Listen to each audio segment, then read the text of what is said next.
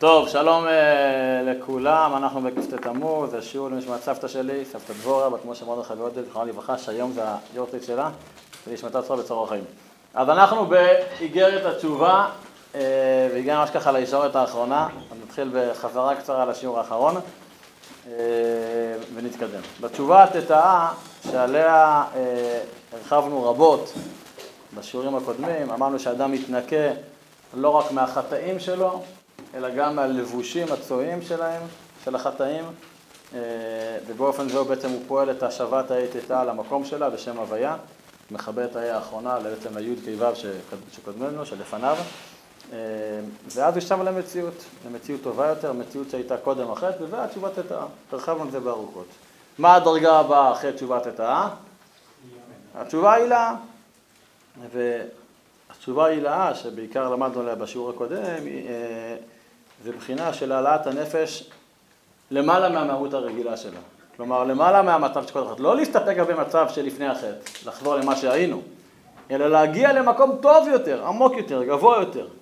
כלומר, לשוב למקור, לשורש שלפני כל ההוויה של הנשמה שהייתה ישות נפרדת, כביכול בקדוש ברוך הוא, וזה לזכות לדבקות, להידבק בקדוש ברוך הוא, בבחינה אפילו של אלוקיי לפני שנוצרתי, לפני היצירה בכלל, או בשפה יותר פשוטה, להשיב את האות ה' הילאה לאות של איפה נעמד שמניה?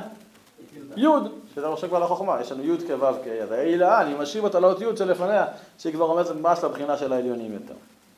בפרק ט' אנחנו התמקדנו בעיקר בלימוד התורה כדרך לתשובה הילאה, ובפרק י' ראינו שבעיקר תפילה זה דרך לתשובה הילאה, אז נסכם בקצת פרק ט', אז את פרק י' ונתקדם פרק י"א.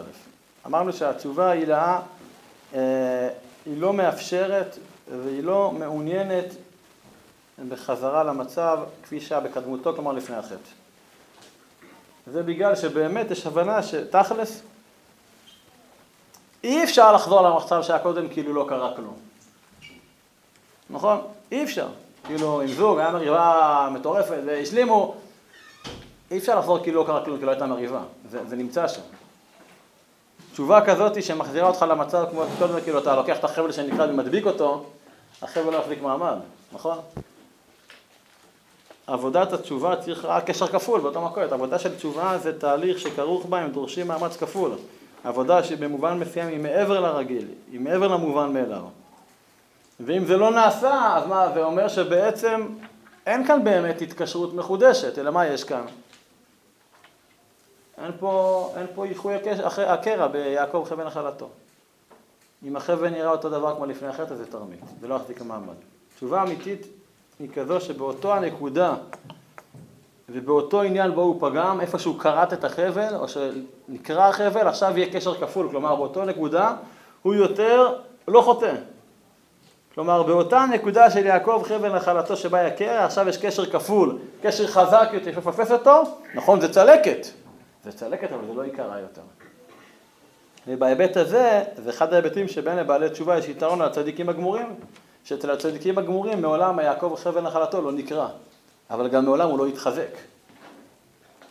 ייתכן שהיעקב חבל נחלתו, הקשר הנשמתי למקור ההוויה, הוא באמת, הוא פחות יפה, הוא מלא קשרים שמעידים שבעבר יקר מלא קרעים, אבל בכל נקודה של קשר זה נקודה של חוזק. ולכן יש חיזוק כפול, ולכן החבל שלהם הוא חזק יותר מהחבל של הצדיקים. ולכן אדמו"ר הזקן ממליץ לחוטא לבחור בדרך העבודה של התשובה ההילאה. כלומר, לא להסתפק בחזרה למה שהיה פעם, אלא לעשות את העבודה של התשובה ההילאה, לעשות את, ה, את המעבר, לעשות מעבר למצופה, מעבר למינימום הנדרש. ולכן הוא הדגיש בסוף פרק ט' שדווקא בתורה וגמילות חסדים ניתן לכפר גם על עוון גדול כמו עוונם של בני עלי. כן, שאמרו להם שבגלל החטאים שלהם נגזר שכל צאצאיהם ימותו צעירים, למה? הרי התורה ועשיית חסדים, גמילות חסדים, זה שתי הדרכים בהם יכול האדם, שהוא בעבר חטא, ליצור קשר עם הקדוש ללא הגבלה. הרי אמרנו שיש לנו עניין של בל תוסיף. אדם לא יכול להגיד, אני אוהב את הקדוש ברוך הוא, אז אני אטול את ארבעת המינים שמונה ימים בשנה. לא, נותנים שבעה ימים, או פחות שבת, לא משנה, אוקיי? אני כוח לקדוש ברוך הוא, אז אני נתקע בשופר לא רק בראש השנה, אלא כל יום אני נתקע בשופר. מה, תברך על זה, בל תוסיף. אלך עם ציצית, עם, לא עם ארבע כנפות, עם חמישים כנפות. אדרבה. צריך ארבע כנפות. אם זה חמש, אם זה שלוש זה בעל תגרה, אם זה חמש בעל תפריף, נכון? אז אומר פה שדווקא בתורה גמילות חסדים זה, זה, זה המקומות, האפשרויות לחרוג מהגבולות ממש ולצאת מגדרנו. כלומר, לצאת מהגדר שהיה קודם החטא. כי זה המרחבים שבהם אפשר לצאת מגדרנו בלי לפגום בהתקשרות עם הקדוש ברוך הוא. ולכן דווקא על ידי תשובה גמילות חסדים אפשר לעשות תשובה הילה כמו שצריך. כלומר, לעשות תשובה כמו שצריך, כלומר לחזור לקשור את רוח האדם עם רוחו של הקדוש ברוך הוא, כלומר דבקות רוחה ברוחה, רוחה ברוחה. אז זה היה פרק ט'. בפרק י' אנחנו דיברנו על תשובה הילה באמצעות תפילה. אז רבנו מציג אפשרות נוספת של התקשרות רוחה ברוחה, אבל הפעם האפשרות הזאת, ההתקשרות הזאת, היא באה מלמטה למעלה. בשונה מהתורה, שהיא נובלות חוכמה שמה שבאה מלמעלה למטה, פה מדברים עכשיו על מציאות שבאה מלמטה למעלה. ראינו כבר בפרק ח' שתשובת תתאה היא קודמת לתשובה הילה. קודמת לא בחשיבותה, אלא מבחינה כרונולוגית. קודם עושים תשובת תתאה, ורק אחרי זה תשובה הילה. ממילא, אם התפילה היא ביטוי ואמצעי לתשובה הילאה, אז יש להקדים לתפילה את הבחינה של תשובת תתאה. לכן אמרו חז"ל שהם עומדים להתפלל אלא מתוך כובד ראש. מה זה כובד ראש? רבנו הסביר שבעצם המשמעות של האמרה היא שיש להקדים את הכובד ראש, את התשובה התתאה לתפילה, את התשובה התתאה לעבודת התשובה ההילאה. אז פה אנחנו רואים שבעצם התשובה התתאה זה לא המכה בפטיש, זה לא הסיומת של התשובה. העבודה השלמה של התשובה לעולם תהיה התשובה ההילאה, ולא התשובה התתאה. תשובה תתאה בעצם זה רק תהליך. כלומר, הכרה בחיסרון, לב נשבר ונדכה, שמביא את האדם למצב בו הוא רוצה לשוב אל המקור. אבל זה עוד לא שיבה למקור, שיבה למקור זה לא אמירה תשובה הילה. כלומר, בתשובה התתאה יש, נקרא לזה הצהרת כוונות, מה אני רוצה. יש מאמץ רב בכיוון הזה של לשוב אל המקור, אבל בסופו של דבר, בתשובה התתאה אין את השיבה אל המקור, אין שם דבקות. רק להשיב את העת תתאה. אין פה את הדבקות בפועל של רוחה ברוחה, רק בתשובה הילה קיים. ועדיין חשוב להדגיש שהתשובה התתאה היא הכרחית. אי אפשר להגיע לתשובה הילאה בלי תשובה תתאה. גם התשובה, נגיד, לתשובה תתאה יש חשיבות אדירה, גם מצד עצמה, אבל גם בהיותה בעצם השלב המקדים, ההכרחי, בשביל התשובה ההילאה. מה, מה נקרא לזה מצב הסיום? האם לתשובת תתאה יש מצב סיום מוגדר? אלא כל, ה, כל ההישג הנדרש בתשובת תתא, שזה הישג שהוא בלתי מוגדר כל כך, זה שזה מוליד בתוכנו את הרצון לשנות כיוון, לזכות לדבקות בקדוש ברוך הוא. ואת הרצון לתשובה הילאה ניתן להשיג על ידי לימוד תורה, גמילות חסדים, כמו שאמרנו בפרק ט', או על ידי עבודת התפילה, שזה עבודה של פרק י'. ולכן אין עומדים להתפלל אלא מתוך כובד ראש, ולכן, כלומר, מתוך תשובת תתא. ומתוך מרירות הנפש, עבודת התשובה בתתה, אנחנו, מתוך המקום של ההכנעה ומרירות הנפש הזאת, אנחנו זוכים לשמחה של התשובה, שזה התשובה הילאה בזמן התפילה, ולכן אני מתפלל אלא מתוך שמחה. זה המשך הגמרא שלנו, לא רק מתוך כבוד, אלא גם מתוך שמחה. עכשיו רבנו, ראינו בסוף פרק י', מודע לזה שהדור שלנו הוא דור יתום, דור שקשה לתרגם בו את עבודת המהירות לשמחה ברגע אחד. ולכן רבנו ממליץ למקד את העניין של התשובה התתאה רק פעם ביום. מתי? בתיקון חצות. שראינו שזה הזמן המסוגל, היהודי יודע לגבות את גלות השכינה, כמו שראינו את זה בזמן קריאת שמע למיטה וכולי, ואם לא ניתן לעשות את זה בכל יום, אז לפחות פעם בשבוע, חמישי בלילה, כמו היום אור לשישי, בתור הכנה לשבת, כי שבת זה יום של עונג, בשבת לא עוסקים בתשובה לעבירות, ולכן בשבת זה יום של בחינת תשובה הילאה, תשובה מתוך שמחה, מתוך עונג, כן? ובעצם בפרק י' סיימנו לעסוק בחטיבה שעוסקת בתשובה הילאה, ובזה בעצם סיימנו את כל המהלך לכאורה של איגרת התשובה. אבל, טלרם טלרם, בשני הפרקים האחרונים של איגרת התשובה, רבנו מחדד ומדגיש עוד שתי נקודות שהן מאוד מאוד משמעותיות לכל המהלך של איגרת התשובה. נזכיר שאמרנו בהתחלה שאיגרת התשובה זה ספר הספרים. כי אנחנו עומדים פה בהרבה הרבה נקודות של הבנת הנפש המציאות, אם זה מושגים כמו גלות השכינה וכפרה ומירוק, אבל גם העילה, העיתתה, עשר ספירות, תפילה, תורה, גמילות חסדים, חשבון נפש, ועכשיו אני מגיע גם לעבוד על העניין של מה זה עניין של מידת השמחה, מידת הביטחון. אז בפרק י' רבנו דיבר על המעבר מתשובת תתאה לפני התפילה, בבחינת אין מתפלל אלא מתוך כובד ראש. המעבר לתשובה הילאה בתפילה, שהם יודעים להתפלל אלא מתוך שמחה. המעבר הזה מההכנעה והמרירות שהיא נצרכת לפני התפילה אל השמחה, זה בעצם המעבר שהוא מאפשר לנו להגיע לדבקות של ארוחה וארוחה בזמן התפילה, בזמן התשובה תתאה. בזמן התשובה הילה, סליחה. לכן בפרק י"א רבנו עוסק, הוא מבאר דרך שהיא פנימית יותר, אינטימית יותר, שעוסקת מה היחס בין תשובה תתאה לתשובה הילאה. ומה היחס לתשובה לתשובה תתאה? לתפילה ולעבודת השמחה. כי לכאורה זה יכול להיות סותר. לא בתור שני שלבים כמו שראינו עד עכשיו, שקודם כל תשובה תתאה, קודם כל הכנעה מהירות נפש כובד ראש, ואחרי זה תשובה הילאה, דבקות, שמחה ותפילה. לא. אלא איך אני זוכה להכנעה ושמחה ביחד, אחד המערכת, איך אני זוכה לתשובה הילאה ותשובה תתאה בבת אחת. כלומר, איך אני זוכה לאפשרות של תשובה הילאה, שהיא כוללת בתוכה גם את התשובה תתאה. ולכן בעל התשובה של פרק י"א הוא במדרגה הרבה יותר גבוהה מבעל התשובה ההילאה של פרק י'. למה?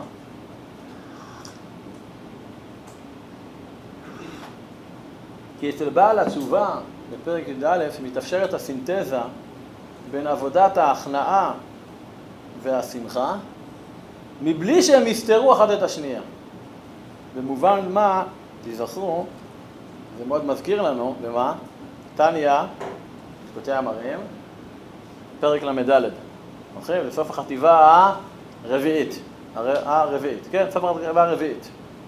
ואני אקריא לכם. והנה, בסוף פרק ל"ד, מי שיש לו ממש השורות האחרונות של פרק ל"ד בתניא. והנה בכל פרטי מיני שמחות הנפש הנ"ל, אין מהן מניעה להיות נבזה בעיניו נמאס, בלב נשבר ורוח נמוכה בשעת השמחה ממש, מאחר כי היותו נבזה בעיניו וכולי, הוא מצד הגוף, הנפש הבהמית, והיותו בשמחה הוא מצד נפש האלוהית, וניצוצלות המלובש בעל החיותה כנ"ל. וחי גב נהיית בזוהר, בחייה תקיע בליבי בסתרא דא וחדווה תקיע בליבי בסתרא דא, נגיד בעברית, יש לי, הבכייה נובעת מה, מהחלק הזה בלב, והשמחה נובעת מהחלק השני בלב. אבל בפרק שם, פרק י"ד, תגיע את התשובה, יש פה בחינה נוספת גבוהה יותר שלא נזכרת בעבודת הבינוני של התניא פרק ל"ד. אני מדגיש, תניא פרק ל"ד עוסק בבינוני. במי אנחנו עוסקים עכשיו? לא בבינוני, אלא במי? בבעל תשובה. משהו אחר לגמרי, בואו נראה. כאן, בבעל התשובה של פרק י"א, אנחנו מדברים פה גם על מידת הביטחון והאמונה בקדוש ברוך הוא. וזה מעלה נוספת, שאדם מאמין שיש לו ביטחון שהקדוש ברוך הוא סולח לנו על כל החטאים שלנו. עכשיו האמונה הזאת, שנוב... הביטחון שנובע מהאמונה הזאת,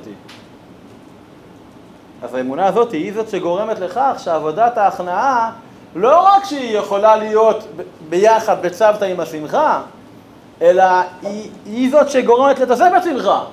שמחה כפויה מכובדת, נראה את זה בהמשך. אז בואו נדייק יותר. מה בין בעל התשובה בפרק י' לבעל התשובה בפרק י"א? בעל התשובה בפרק שלנו, אני מזכיר, הוא כבר אחרי תשובה הילאה, גם בציר התפילה וגם בציר התורה והגמילות חסדים. זו תשובה, הלוואי על כולנו, כן? בעל התשובה של פרק י"א כבר לא נותר בנפש האלוקית שלו שום רושם או זכר מההתגברות של נפש הבאמית בעבר, שזה מה שהוביל אותו לחטוא. אבל בפרק י' משמע אפשר לדייק שאולי בכל זאת נותר בבעל התשובה איזשהו רושם, אפילו קלוש, מהתגברות הנפש הבהמית. לכן, בעל התשובה פרק י' חייב לעסוק בתשובה תתאה. כלומר, עבודת ההכנעה והמרירות לפני התפילה. כדי לבטל את הראש הנפש הבהמית, שעניינה זה לעשות הכנעה ולבטש אותה. ורק אחר כך, התנאי הראשון הוא הכרחי בשביל השלב השני, שזה התשובה ההילאה מצד השמחה ועבודת התפילה וכולי. כלומר, בפרק י' אצל בעל התשובה יש הפרדה בין זמן ההכנעה, המרירות ועבודת התשובה תתאה, לבין הזמן שמוקדש לעבודת השמחה של התשובה ההילאה בתפילה. עד כדי כך שרבנו אפילו המליץ להרחיק ביניהם. הוא אומר, את העבודה של התשובה תתאה תעשה בתיקון חצות. שם ההכנעה ומרירות וכובד ראש. זה ב-12 בלילה. מתי התפילה? 6 בבוקר. תפריד, שים רווח בין עדר לעדר. שלא יהיה אחד לשני. על אחת כמה וכמה, מי שמבצע תיקון חסות רק בחמישי בלילה, אור לשישי, ואז הוא מפריד את כמעט רבע של שבוע לפעמים, נכון? אבל זה מובן, כי כדי שהתשובה העילאה וגם התשובה התתאה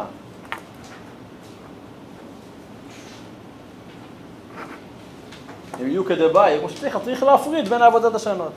כי אם אני אהיה בשמחה, אז זה יפגום בעבודת ההכנעה והמרירות והכובד ראש של התשובה התתאה. ואם אני אהיה בהכנעה וכובד ראש ומרירות, אז זה יפגום בעבודה של התשובה העילה בשמחה, נכון?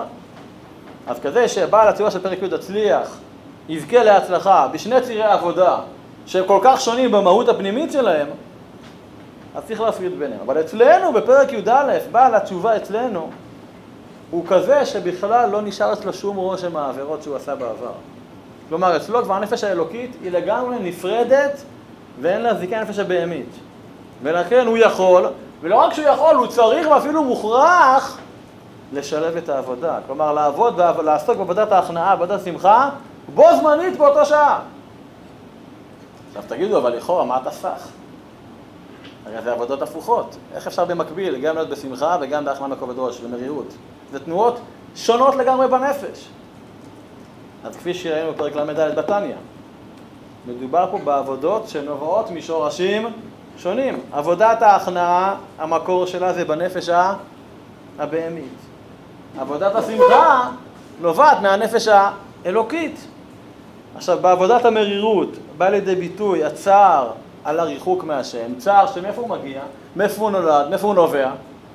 מצד הגוף החומרי, שעניינו זה הנפש הבהמית. ואילו השמחה, היא לא השמחה שמכבי זכו באליפות, או הפועל הפסידו את האליפות. על מה השמחה?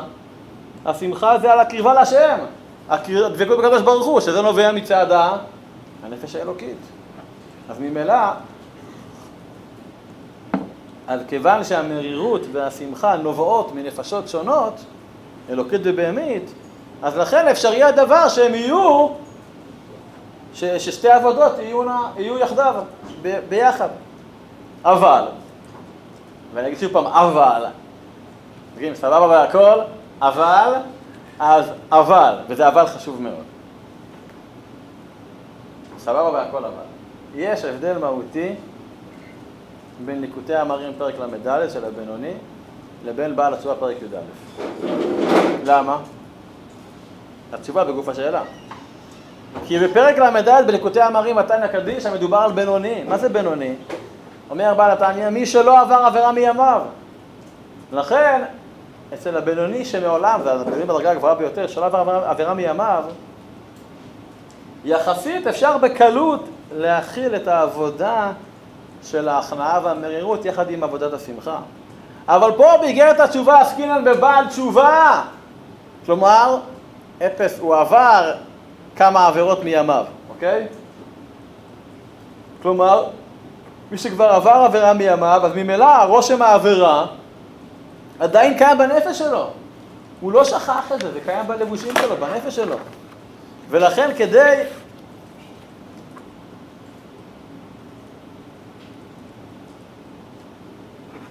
כדי שאצל בעל התשובה, שאצלו התשובה תטעה, שיקרא את חייו במהירות, תהיה אצלו יחד עם עבודת השמחה, אז בעל התשובה הזה זקוק, מה הוא זקוק?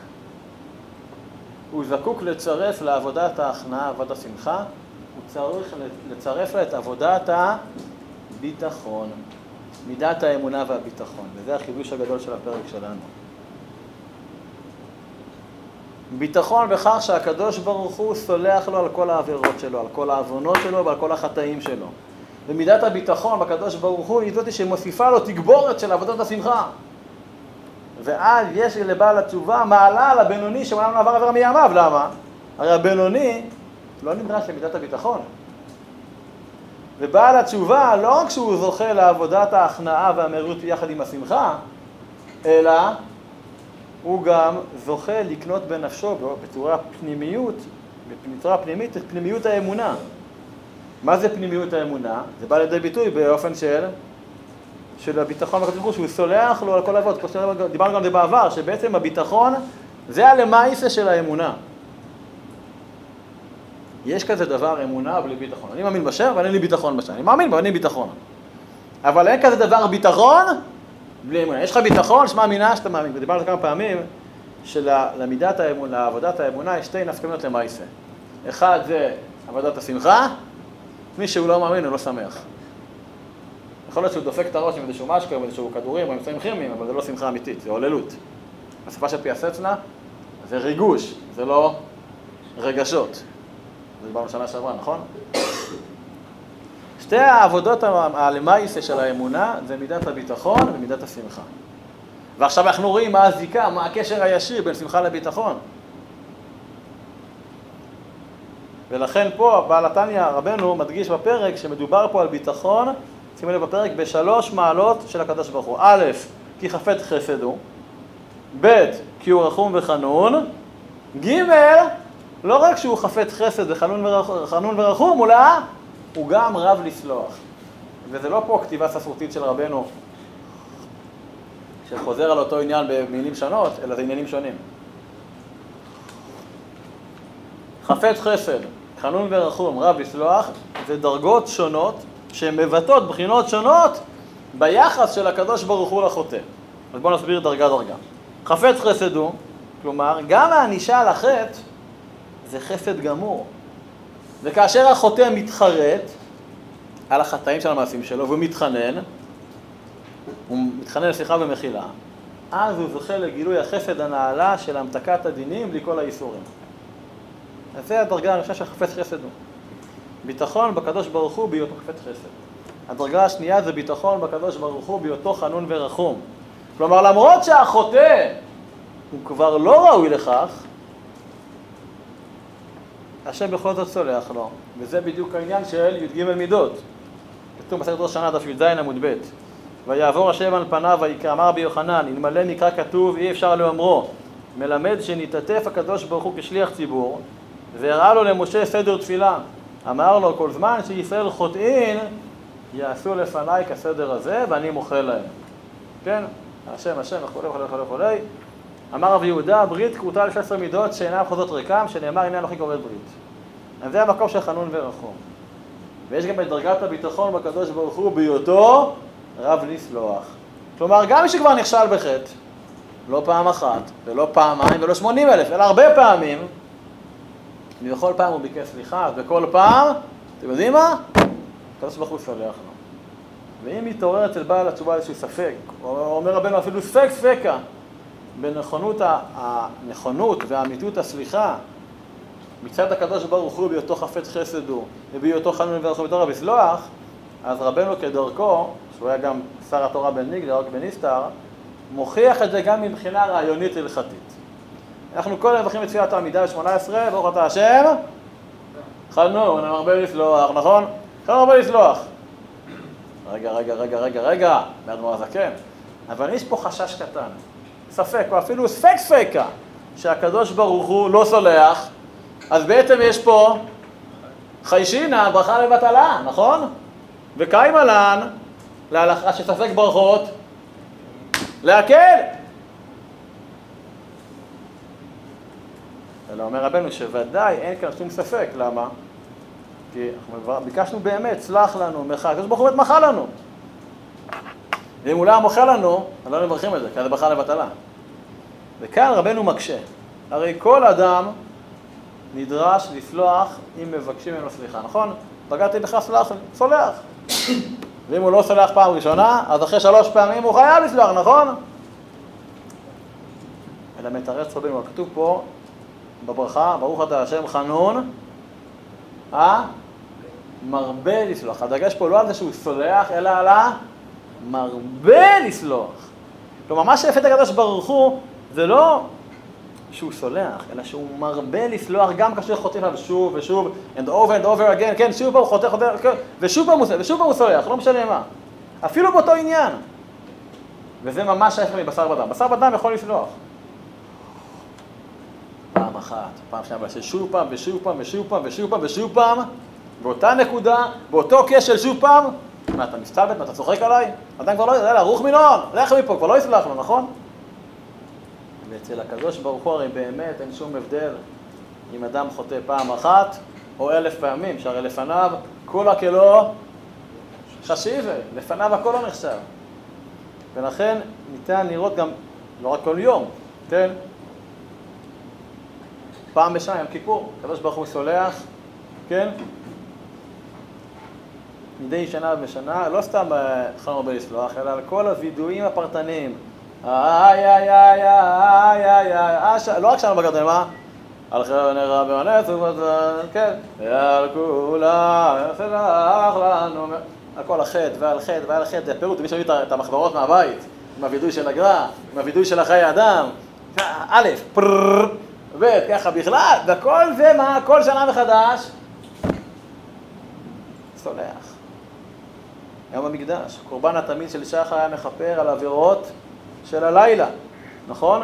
ותמיד של בין הארבעים היה מכפר על העבירות של היום, וזה היה כל יום, תמיד, כלומר מדי יום ביומו. ובימינו כפרת העוונות של קורבנות התמיד באמצעות התפילה, נכון? שחרית, קורבן התמיד של שחר, מנחה, מבין הארבעים, שעושים את זה עם תשובה כמובן.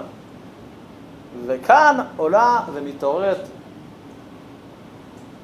שאלה שהיא עולה מאליה במידה מסוימת. הרי האדם יודע מראש שקדוש ברוך הוא סולח.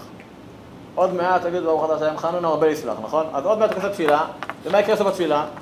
השם יסלח לו. אז אם אתה מודע לזה שתמיד אחרי התפילה השם סולח, אז אולי...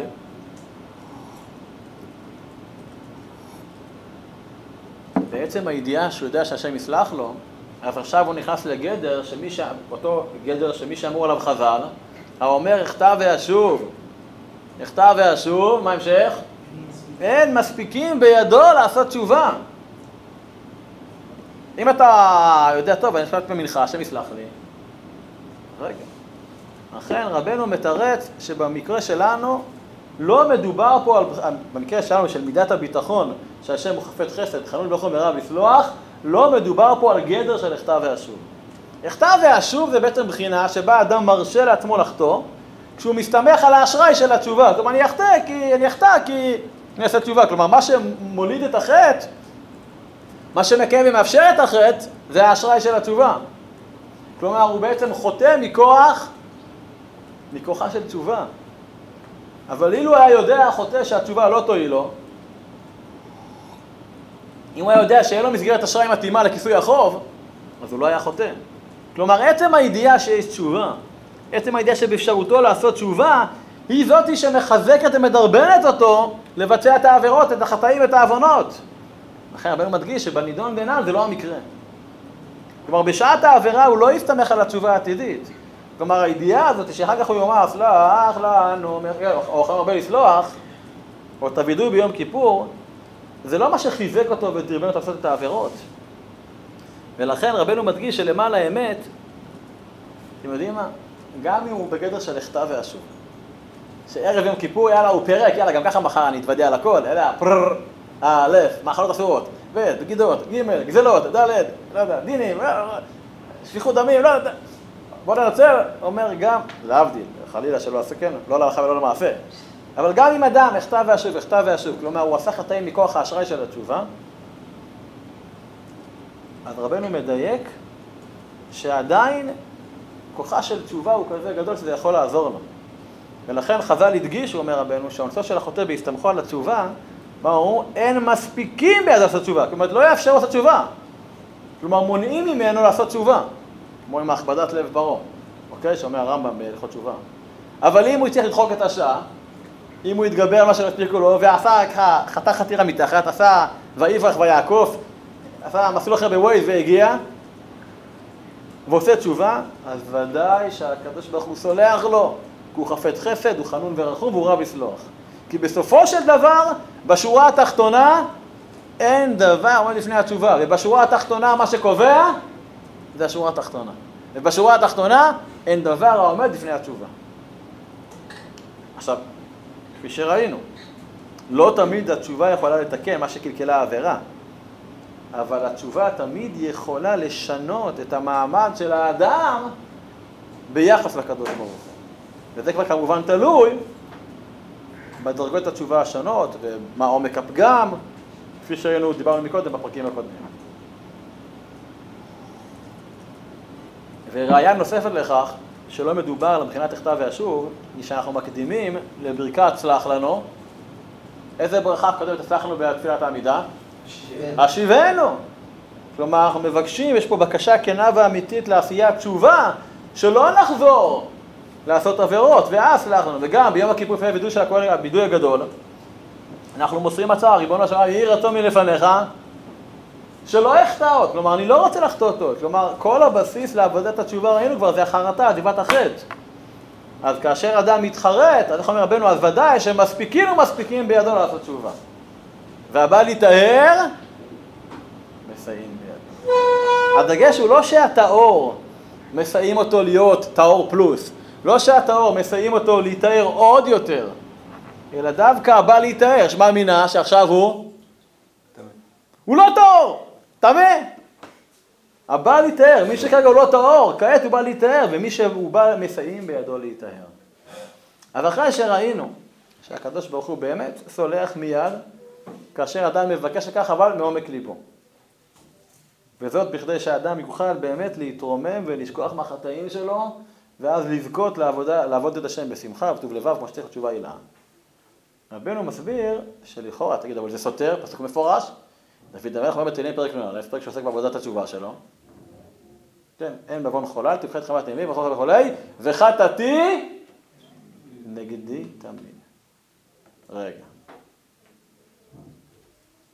דוד המלך בפרק שעוסק בעבודת התשובה שלו, אומר שיש לזכור תמיד, בכל עת ובכל שעה, את החטא. כמו שביתי השם לנגדי תמיד, אז ככה גם חטאתי נגדי תמיד. רגע, אבל אמרנו שהקדוש ברוך הוא תכף ומיד חנון אמרו בלסלוח, חפת חסד, חנון ברחום, רב לסלוח. אז אם הוא סלח לי, זהו, ואני, נעלם, אין, סיימנו, קפיש, זהו. למה עכשיו צריך לזכור את החטא כל הזמן? אדם שזוכר את החטאים כל הזמן, אז הוא עלול להיות תקוע בעבר, וזה ממש לתשובה, לא תטע ולא הילאה. במקום עכשיו לרכב על הגל של התשובה, שיהיה לו שמחה ודבקות בקדוש ברוך הוא, בהווה ובעתיד, ועל אחת כמה וכמה שאנחנו יודעים שמדובר פה על תשובה אמיתית, בטח כמו דוד המלך עשה. שעניין, אז כלומר, תשובה אמיתית עניינה זה שהחטא בכלל כבר לא קיים, הוא לא שייך במציאות. אז, אז, אז, אז מה הטעם? למה, מה הטעם לזכור דבר ששייך לעבר והוא בכלל לא בר ממשות אחרי התשובה צאתה ועילה? למה? אז מבאר רבנו שדבריו של דוד המלך בתהילים פרק נ"א, וחטאתי נגדי תמיד, הפסוק הזה הוא בכלל לא עוסק בתשובת התאה. הפסוק הזה מדבר על תשובה הילאה. כלומר, זיכרון החטא שעשינו בעבר, הוא לא גורם לאדם שיהיה בעצבות. זיכרון החטא בעבר תכליתו היא להביא אותנו למידת ההכנעה. כפי שלמדנו שההכנעה היא האלמנט שהוא מסייע לתשובה העילה להיות באופן של שמחה ודבקות. עכשיו מאחר וכל הזמן צריך להיות בתשובה עילה, אז ממילא כל הזמן צריך להיות גם בהכנעה שמסייעת לשמחה. ואיך אני בהכנעה כל הזמן? באמצעות חטאתי נגדי תמיד.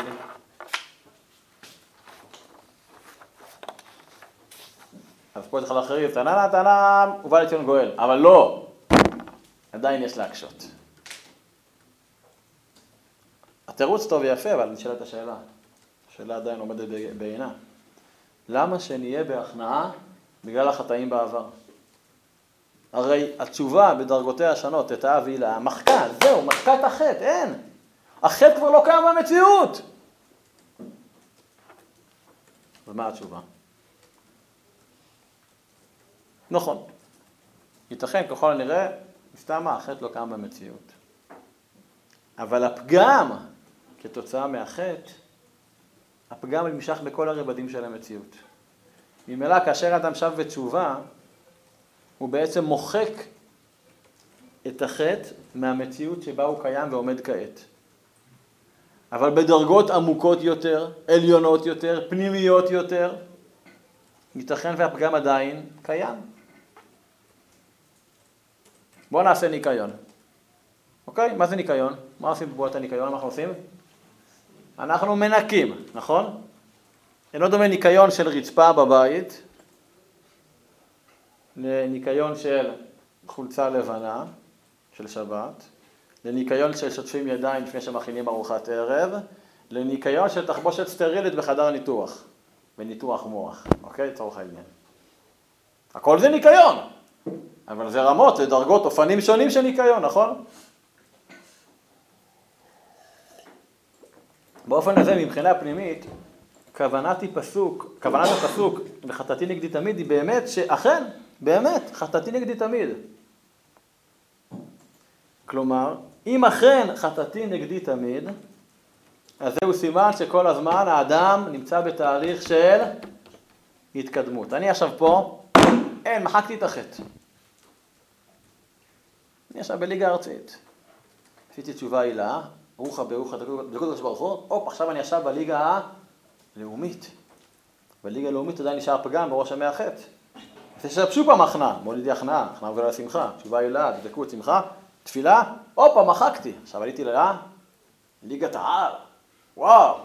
אז גם פה יש פה את הפגם, שהוא בדקי דקויות, אבל זה עדיין פגם בליגת העל. עשיתי, מוליד בקרבי הכנעה. הכנעה מולידה שמחה, ביטחון, תשובה הילה, דקות, שמחה, הופה, מחקתי, וכן נבוא הדרך. אוקיי? כלומר, אם אני במצב שחטאתי נגדי תמיד, אז זה סימן שאדם כל הזמן מתקדם. כל עוד האדם עומד באותה דרגה שבה הוא עשה תשובה, אז באמת החטא לא קיים לגביו. אבל ברגע שהוא יתעלה לדרגה עליונה יותר, אז הכתם מהחטא בעבר יצוץ. ולכן עליו לשוב בעומק יותר. זו תופעה ידועה ש, שאנשים, אנשים בגיל אישור א', או אברכים פתאום, ופתאום הם מתקדשים ומתארים, ופתאום צפים להם כל מיני נפילות שלהם מהתיכון, מהחטיבה, דברים, כאילו, רגע, עכשיו זה, אדם פתאום עושה עבודה על המחשבה שלו, פתאום צפים לו מחשבות זרות, וד... למה? מסביר רבנו בליקוטי מוהר"ן כ"ה, שזה משהו מובנה. שאני בעצם עולה, התקרה של קומה אחת היא בעצם. הרצפה של קומה שתיים. כלומר, כשאני עליתי עכשיו מהליגה הארצית לליגה הלאומית, אז לא רק אני עכשיו בליגה הלאומית, גם היריבים שלי הם עכשיו מהליגה הלאומית. כלומר, השחקן הכי טוב במכבי, השחקן הכי טוב באזור, הוא שחקן במכבי. שחקן במכבי הכי טובים בארץ, אבל ביורו ליג, שחקן הכי טוב ביורו ליג, לא רואה חמישייה ב-NBA, נכון? כי גם היריבים שם זה אחרת. עכשיו, בכל מקום שאתה מגיע, אז הפגם, מקום יותר, יותר זך, יותר מצוחצח, אז הפגם אפילו קטן יותר, הוא יותר משמעותי. יותר ניכר החוסר, ההיעדר. וזה המקום שאנשים עולים קומה, ושוב פעם יש להם אירועי עבירה, אז מתייאשים, מה אתה מתייאש? זה רק אומר ש... יש לך אירועי עבירה? נהדר, זה אומר שאתה כל הזמן מתקדם. כל גדול מחברו, יותר גדול ממנו. אם פתאום נגמרו לך איסורי עבירה, אתה ממשיך להתקדם, לא, סימן שלא התקדמת. כי אם היית מתקדם עכשיו, יש לך אירוע יותר קשה, צריך להתקדם כל הזמן. אנשים חושבים, רווקים, רווקים, רווקים, רווקים. נתחתן, נתחתן, נתחתן, כן, יהיה בסדר. כל הבעיות שלי בחיים זה הרווקות. איך אומר ראש הישיבה הרב בני, שהוא, יש לו הרבה ניסים ונפלאות בעבודות של ייעוץ זוגות וחילוץ זוגות במשבר זוגי, הוא אומר, רווקות זה לא מחלה, וחתונה זה לא תרופה, אוקיי? יש גם בעיות שיכולות לצוץ רק אחרי חתונה, כן? אבל זה כבר לא מענייננו, אוקיי? אז אני חוזר, ברגע שאדם מתעלה לדרגה גבוהה יותר, אז הכתם מהחטא, עכשיו שהוא יותר בדקות, יצוץ, ולכן עליו לשוב בעומק יותר. לכן המהות הפנימית שעולה מהפסוק וחטאתי נגדי תמיד, היא חלק מהותי מתהליך ההתקדמות של התשובה. וכמובן שאין הכוונה שזכירת החטאים לנגד עינינו כל פעם תוביל אותנו לעצבות או דכדוך, חס וחלילה, חס ושלום, לא יעלה על פינו. זיכרון החטא של חטאים קדמים צריך, לא צריך לדכא את בעל התשובה, אלא דווקא לקדם אצלו את בחינת השמחה, את ההכנעה שתוליד את השמחה. כלומר, זה יועיל לחוטא, לבעל התשובה, סליחה לחוטא, זה יועיל לבעל התשובה לקבל בשמחה גם מאורעות לא נעימים, בין אם הם באים מבני אדם או מן השמיים כדברי רבנו. כן, לפעמים זה נקרא, כולם רואים שמדובר פה בפורס מז'ור. מה זה פורס מז'ור בצרפתית? כוח עליון. כן, אם אדם עקף אותי בחלוך הביתי, הפיל לי את המגע, מה, אתה דפוק? תשים לב איך אתה הולך. אם אתה נוסע עכשיו הביתה, פתאום כביש 6 סגור, תאונה שקרה לפני שלוש שעות, מה זה קשור אליך? אתה אומר, טוב, זה פורס מז'ור, מי יתעצבן? כוח עליון. אז בין אם קורא לו אי נעימות מאדם ישירות שהוא יכול, אה, זה, בפועל אין הבדל. הכל זה הקדוש ברוך הוא, כן? אבל, כפי שכבר היינו בעבר, בטח בתניא, פרק א', ליקוטי המרים, בדרך כלל כל המקום של העצבות, של הדכדוך, זה פועל יוצא של מידת הגאווה. האדם חושב שמגיע לו א', ב', ג', ובפועל קרה ד', ה', ו', אז מה הוא מרגיש? הוא מרגיש מקופח. זה לא הוגן, זה לא פרי, עושים לי ככה, עושים לי ככה, יש פה עוול, והעוול הזה הוא מה שזה הבסיס לתחושה של התסכול, תחושת חוסר אונים. אבל עכשיו, מבלי להיכנס עכשיו למקום של חשבונות שמיים, שכשמה מהם חשבונות שמיים, כלומר שאין לנו כבני אנוש השגה בהם, כאשר אדם מודע לחסרונות שלו, הוא מודע גם לרבדים שבהם הוא פגם, חטאתי נגדי תמיד. כאשר הוא מודע לחוסר השלמות שבתוכו, אז בדרך כלל, בדרך כלל זה מקל עליו לקבל את האיסורים. מבחינת חטאתי נגדי תמיד, ולכן זה שהוא זוכר שגם הוא חטא, יש לו חסרונות, אז זה מועיל לאדם דווקא בזמן שהוא בירידה, דווקא שהוא פגיע. ובכדי שהפגיעה הזאת היא לא תמוטט אותו ותוביל אותו לדיכאון או עצבות שבכוחם לערער את המציאות של החיים שלו, אז יש צורך באיזון. כלומר, ההכרה בנפילות האישיות, זאת אומרת להכיר בזה שאני יכול ליפול. בעובדה שגם אני בעבר חטאתי, בעבר חטאתי. וההכרה הזאת היא עוזרת לי להגיע ליחס נכון אל מול אלוקים וגם אל מול בני אדם. ובפרט בשעות משבר. ורבנו מוסיף שזו עצה טובה כמה שמלן, למה זה עצה טובה? זוכרים? זה עצה טובה להינצל מכעסים, מכפיידות. זכרו פרק א' בליקוטי המרים. הכעס הוא פועל יוצא של הגאווה. כאשר אדם מודע לחטאים שלו בעבר, כלומר שהוא מודע לפגמים, הוא מודע לחסרונות שלו, חסרונות שבו, אז במידת מה הוא פחות, כאילו, פוחת בקרבו הדחף הזה לכעוס ולהקפיד ולהתנצח. עכשיו, חשוב להדגיש, הזיכרון של החטא לא צריך להיות מרכז החיים שלנו. כן, מרכז ההוויה של החיים של בעל תשובה, זיכרון החטא, לא. לא. אבל זה צריך להיות זמין.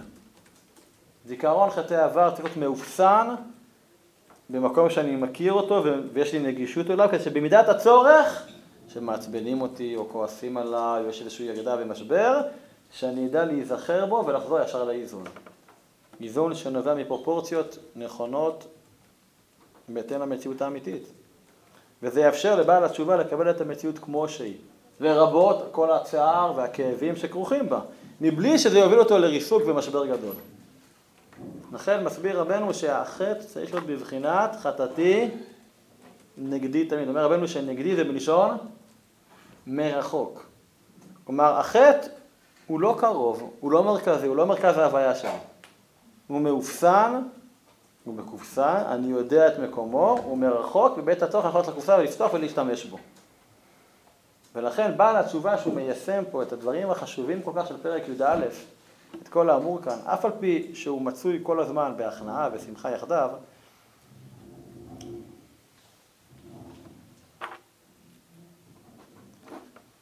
כלומר למרות הכל אז הוא זוכה בגלל זה להכנעה ושמחה יחדיו. וזו דרגה מאוד מאוד מאוד גבוהה של נשיאת הפכים. כלומר גם כאשר עולבים בו, אז הוא, הוא לא מעליב, הוא לא משיב באותו מטבע. הוא לא מתלונן למה מענישים אותו, מייסרים אותו, למרות שהוא כבר עשה תשובה. הוא מבין שגם אחרי התשובה יש מקום לבחינת הייסורים שתפקידם הוא ייסורים ממרקים.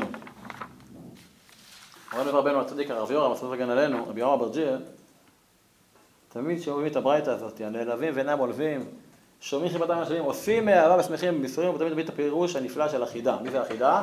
רבנו חי יוסף דוד אזולאי. כן, בסדר, פה גם בחברון, סבא רבא שלו, החסד עבר מהרב של חברון, היה בירושלים ובהרבה מקומות בעולם. אז החידה מפרש, אומר פה את הברייתא, הברייתא מדברת פה על שלוש דרגות. הדרגה הראשונה זה אותם אנשים שהם נעלבים ואינם מולבים. הם נעלבו, הם נפגעו, אבל הם לא השיבו באותו מטבע. הם לא פגעו בחזרה, אלא הם הסבירו את עצמם בצורה מנומסת. זו דרגה אחת, זו דרגה מאוד קשה, שמעליבים אותך, אתה נעלב, אבל אתה לא מחזיר להעליב בחזרה, באותו מטבע. הדרגה השנייה שהיא גבוהה יותר, זה אותם אנשים שאורגנו בברייתא, שהם שומעים חרפתם ואינם משיבים. דרגה גבוהה יותר. הם יודעים שיש כאן דברי חרפה שמעליבים אותם, אבל הם מצידם, הם מצידם לא נעלבים. הם בכלל לא נעלבו, אז בטח, קל וחומר שגם לא מגיבים, נכון? אבל הדרגה השלישית היא עוד יותר גבוהה. הדרגה השלישית זה לא רק שהם לא נעלבו, לא רק שהם לא נפגעו, שהם שמעו חרפתם ולא השיבו, אלא הם עושים מאהבה והם אפילו שמחים בייסורים. הם ממש שמחים, שמחים בייסורים, זה מחייב אותם, משמח אותם, כן.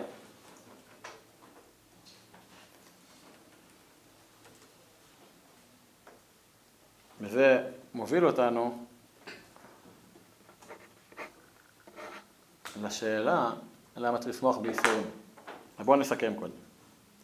הפרק שלנו, פרק י"א, שהוא פרק יסודי מאוד, רבנו עסק בשאלה איך האדם יכול לחיות עם שתי תנועות שהן מנוגדות. תנועה של תשובה תטאה, של הכנעה, ותנועה של תשובה הילאה, של שמחה ודבקות. ולחיות עם זה ביחד. כלומר, להיות בהכנעה ושמחה, בעבודת השם, כאחד. ורבנו הסביר שאין מניעה שבליבו של האדם יתקיימו שתי התנועות הללו, למה?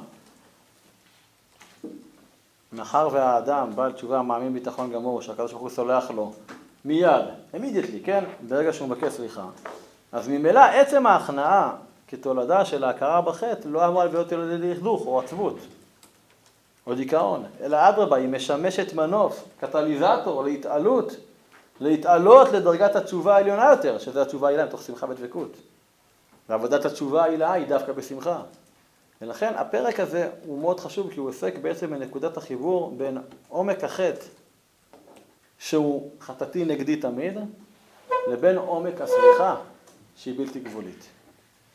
ולכן הביטחון בעומק הסליחה והוודאות שלה זה לא בגדר של הכתב ואשוב.